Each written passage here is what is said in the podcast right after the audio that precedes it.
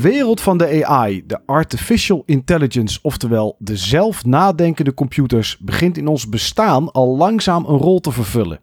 In The Creator, die zich afspeelt in het jaar 2065, is de AI zo ver doorontwikkeld dat je van een ras kan spreken. En de AI en de mens hebben het met elkaar aan de stok. Dat wil zeggen, er is iets in Los Angeles gebeurd. Daar is een atoombom gevallen en de mensen woonachtend in Amerika geven de AI de schuld. En ja, dan weet je het wel, dan moet de AI uitgeroeid worden. In Nieuw-Azië wonen nog heel veel computergestuurde mensen met bovenaan de keten iets of iemand genaamd de Creator. Of zoals het in de film aangeduid wordt, de Nirmata. Deze Nirmata heeft een ultiem wapen ontwikkeld waarmee de AI de oorlog zou kunnen winnen en mogelijk de mensen zou kunnen uitroeien. The Creator is een film van Garrett Edwards in de ruimste zin van het woord. De man schreef het verhaal, vertaalde het script samen met Chris Wise van bijvoorbeeld Rogue One naar een script voor het scherm, produceerde de film en regisseerde de film. In de hoofdrollen zien we John David Washington als Joshua, die onder andere de hoofdrol van Tenet vervulde, Madeline Yuna Voiles als Alfie, Gemma Chen als Maya en Ken Watanabe als Harun. De film kostte naar schatting 80 miljoen om te maken en heeft in de eerste week in de bioscoop slechts 33 miljoen opgeleverd.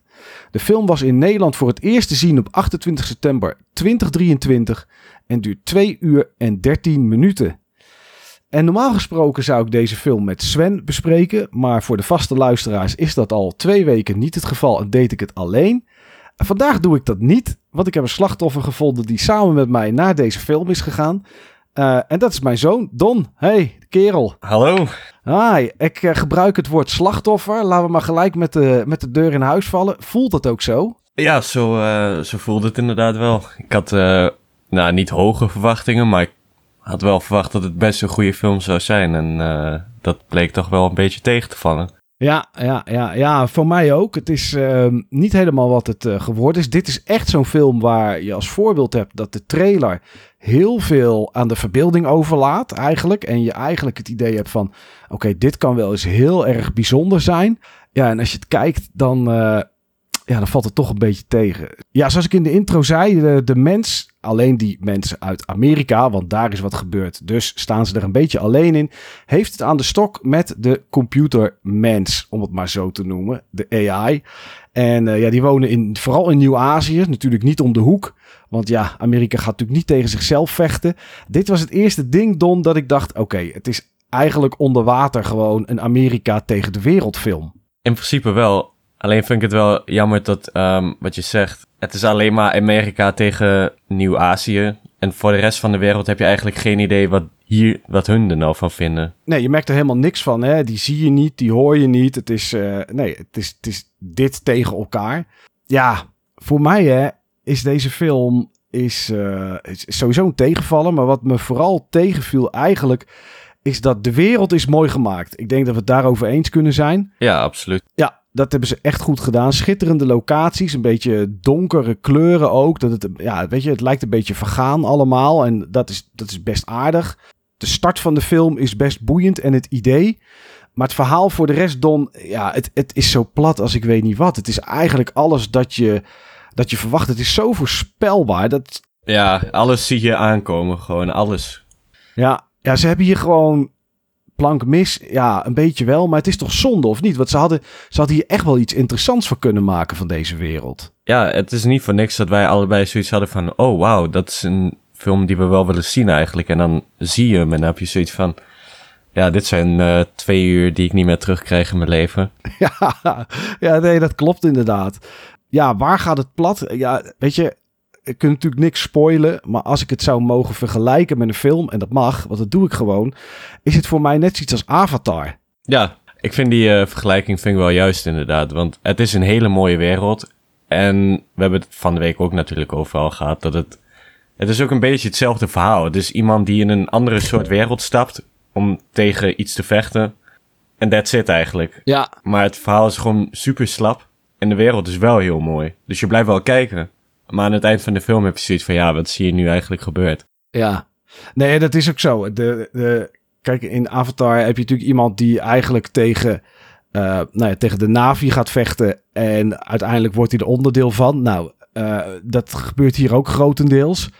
En dat is, eh, ja, dat, dat is zo jammer. Maar wat ons alle twee opviel en waar we gewoon niet onderuit konden, zijn de, de aantal fouten die in de film zitten. Ja, de continue eh, fouten. Ja, Die, eh, die zaten er echt enorm veel in. Voor een film van 2023 had ik zoiets van... Jezus, dat je het voor elkaar hebt gekregen om zoveel fouten te maken... vind ik bijzonder. Ja, ja, dat is echt heel knap. Het, het grootste probleem waar wij tegenaan liepen is dat alle mensen, en dan bedoel ik over echte mensen, eh, maar ook de AI-mensen en nou ja, voertuigen en noem het allemaal op, die lijken een soort fast travel optie te hebben, zeg maar, wat je normaal in, in videogames hebt. Ja, gewoon een hyperspace.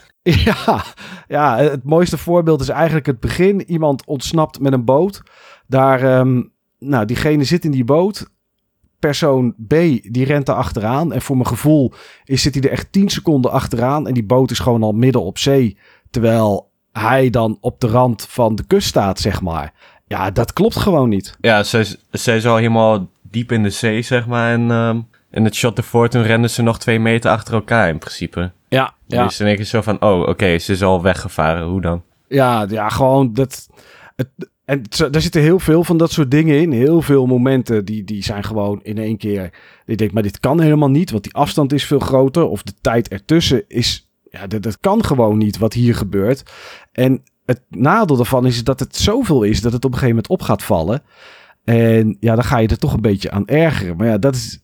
Het is gewoon niet anders. Dit, dit zijn gewoon echt fouten. En wij zaten ons alle twee, zonder dat we het erover hadden, hier echt over te verbazen gewoon in de bios. Ja, ja, ik zag jou zeg maar af en toe wel eens naast me kijken van, wat gebeurt hier nou weer? En er zijn, ja, zoals we al zeiden, er zijn genoeg van die momenten dat je zoiets hebt van, hoe kan dit?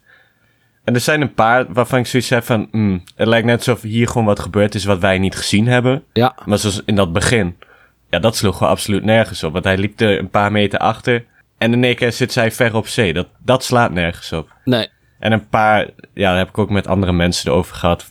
Die zeiden van ja, misschien is het gewoon zo'n gedeelte waar wel iets gebeurd is, maar dat je het gewoon niet gezien hebt. Maar dan vind ik het alsnog heel slecht uitgevoerd. Ja. Want het lijkt echt alsof het gewoon van de hak op de tak is. Ja, ja, als dat één keer gebeurt, nou ja, goed, weet je, dan kan het.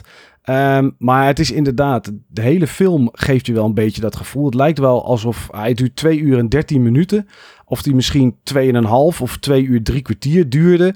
En dat ze er stukjes tussenuit hebben geknipt om hem maar wat sneller te laten verlopen of zo. Ik, eh, ja, ik weet niet wat het is. Ja, dat zou best kunnen. Dat het gewoon eh, bij het editing gewoon best wel fout is gegaan in principe. Ja. En daar lijkt het wel op. Ja, dat is wel het gevoel dat je krijgt. Kijk, want als je, als je naar de losse onderdelen kijkt. eh, nou, de wereld hadden we het net al over. Die is mooi. Special effects zijn supergoed. Mhm. Ook het acteerwerk van zowel Joshua, maar zeker ook van het meisje Elfie. Ja, Eh, zeker. dat is echt heel goed. Dat is, eh, daar is helemaal niks op af te dingen. Ja, Ken Watanabe, die speelt Haroon. Ja, dat is een figuur die speelt altijd goed. Nooit uitbundig, maar weet je, dat ziet er altijd gewoon goed uit. Hij is geloofwaardig altijd, vind ik. Ja, dat klopt. Ja, ja, en zijn serieuze gezicht is ook echt serieus. Ja, Dat is, eh, ja, dat is wel heel erg goed. En ja, de muziek. Het is Hans Zimmer, een grote naam. eh, Dark Knight, eh, Pirates of the Caribbean, nou, noem het allemaal maar op. Mhm. Ik vond het wel oké, maar jij had momenten dat je het minder vond, hè? Ja, ik heb mijn momenten gehad dat ik de muziek heel erg out of place vond. Dat ik zoiets had van, wat? Bij dit gedeelte doe je deze muziek? Er was ergens wat best wel een intense scène was, geloof ik. Ik kan me niet heel goed herinneren, sorry daarvoor. Maar het was best wel een intense scène en was redelijk vrolijke muziek op de achtergrond. En dan had ik zoiets van, probeer je nu me te laten lachen? Wat, wat, wat verwacht je nou van mij, de kijkers, zeg maar? Ja. Ja, ja dat is, daar is deze film sowieso wel een beetje schuldig aan, denk ik. Aan, eh, aan dat soort momenten. Want, eh, ja goed, kunnen natuurlijk- we gaan het niet vertellen. Maar als ik alleen maar zeg hond en aap. Ja, dan denk ik dat we alle twee een beetje onze wenkbrauwen optrekken. Want er zitten scènes in, die, die gaan helemaal nergens over. In dit geval Oh, met een ja. hond en een... Ja, je moest even denken, hè? Ja, ik had zoiets van, waar heeft hij het over? Maar nu, eh, ja, dat was ook zo'n... Dat was gewoon te convenient. Dat was echt wel een convenient story. Ja, ja. Wel met die hond. En die aap kan ik me niet eens meer herinneren wat daar gebeurde. Maar ik denk dat het een soortgelijke situatie als met de hond was. Klopt, klopt. Ja, ja, ja. Nou ja, dat is ook aan deze film. En dat is ook weer jammer. Er zitten gewoon momenten in dat je denkt: oké, dit, dit kan gewoon niet. Er zit ergens een scène in met een tank. Een hele grote tank. Oh ja. Een aantal trouwens. En hoe die onschadelijk wordt gemaakt. Ik ga niet vertellen precies hoe. Nee. Maar ja, dan denk je ook van: oké, weet je, je komt met zo'n enorm apparaat aan. Je komt met zo'n groot voertuig aan. Het is 2065. Weet je, we zijn zoveel verder. Het is net alsof ze een hand zand in, in, in, de, in de tandwielen gooien, zeg maar. Zo'n gevoel krijgen en dat hij dan ontploft. Dat gebeurt niet, maar dat is, dat is een beetje wat het gevoel is. Ja, dat is echt precies wat het was. Want die dingen die kwamen ook echt aan. Die waren het hele dorp aan het verwoesten. En je denkt van, wat zijn dit nou even doomsday machines? En dan de manier waarop ze worden uitgeschakeld is echt... Ja, dat was echt wel een facepalm waard eigenlijk. Ja, ja, ja, ja, ja. ja dat gaat helemaal nergens over.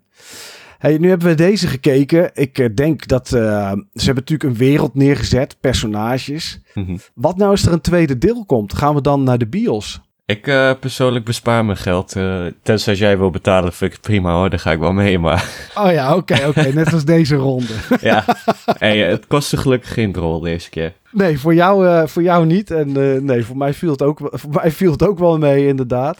Maar een eventueel tweede deel zou jij zou je skippen? Ja, of het moet misschien toevallig ergens worden afgespeeld dat ik wel meekijk of zo. Als ik op een feestje ben of zoiets, uh, weet ik veel, iets in die richting. Maar ik zou niet uh, weer de moeite nemen om een avond vrij te houden en dan naar de bios te gaan om deel 2 van deze film te zien. Nee. Van de creator te kijken. De creator, ja. Oké, oké. Okay. Ja, nou ja, dan uh, denk ik dat wij wel eensgezind zijn uh, wat dat betreft. Ik, ik zou ook een, een deel 2... Nee, ik denk niet dat ik naar de bioscoop ga. Tenzij niet Garrett Edwards en het verhaal heeft geschreven en het script... en, en een produceerde en regisseerde. Dan moet er toch wel iets meer gebeuren. Maar ik ben bang dat er geen tweede deel komt. Want als die in de eerste week slechts 33 miljoen ophaalt... Dan, en hij kostte ongeveer 80 miljoen om te maken... gaat het denk ik niet de goede kant op. Nee. Goed. Terwijl het heel jammer is, want het is wel een film waar ik oprecht heel veel potentie in zag. Ik had zoiets van, dit kan nog wel eens een franchise worden die ik heel vet ga vinden. En dan zie je het en dan is het toch best wel teleurstellend eigenlijk, want je verwacht veel. Uh, iemand die Star Wars, mijn favoriete franchise, daaraan heeft gewerkt. Die werkt mee aan deze film. Ja. En als je dit, wat jij ook zei, de trailer ziet er heel veelbelovend uit. En dan zie je het en dan is het gewoon echt een letdown. Ja. Ja, dat is het ook inderdaad. Ja, goed. Uh, er zijn ook mensen die misschien dat soort fouten die wij gezien hebben, die dat niet, die dat niet zien. En die denken, nou ja, ik vind het eigenlijk wel vermakelijk. hey, uh, probeer hem. Ga kijken of het iets voor je is. Voor ons is de conclusie uh, vrij simpel. dit was hem niet voor ons in ieder geval. Nee, dus er zijn heel veel losse eindjes in de film ook. Er zijn echt een paar momenten dat ik zoiets had van... Oh, hier gaat nog wat mee gebeuren. En dan hoor je er nooit meer wat over. En ja, de wereld ziet er zo prachtig uit, maar het verhaal is zo slap. Nou, dat brengt ons aan het einde van deze boeiende aflevering van onze podcast over de film The Creator. We hopen dat jullie net zo genoten hebben van het gesprek als wij dat deden, en dat jullie nu een dieper inzicht hebben in dit meeslepende cinematografische meesterwerk. The Creator is niet zomaar een film, het is een verhaal dat ons laat nadenken over de grenzen van menselijke ambitie, de ethische dilemma's van wetenschap en technologie, en de zoektocht naar de ultieme waarheid. We hebben gesproken over de krachtige vertolkingen van de cast, de indrukwekkende regie en de betekenisvolle thema's die in de film zijn verweven. Maar deze podcastaflevering markeert niet het einde van ons gesprek over The Creator. We willen jullie aanmoedigen om de film te bekijken of herbeleven en deel te nemen aan de discussie. Wat zijn jouw gedachten over de film? Welke scènes, personages of thema's spraken jou het meest aan? Laat het ons weten via sociale media of stuur ons een e-mail. We zijn altijd benieuwd naar jullie perspectieven. Als je genoten hebt van deze aflevering, vergeet dan niet om ons te volgen en te abonneren voor toekomstige podcasts over boeiende films en onderwerpen. We hebben nog veel meer geweldige content in petto voor jullie. Bedankt dat jullie de tijd hebben genomen om naar onze podcast te luisteren. We hopen dat jullie geïnspireerd zijn geraakt en we kijken uit naar ons volgende gesprek. Blijf geïntrigeerd, blijf kritisch en blijf genieten van films die ons uitdagen en doen nadenken. Tot de volgende keer. Deze outro is geschreven en ingesproken door AI. En daarom is het allemaal mooier dan dat de film eigenlijk is. Zo zie je maar, elke mening is anders, dus laat je daarom niet weerhouden om de film te gaan bekijken. Voor ons was het helaas een teleurstelling.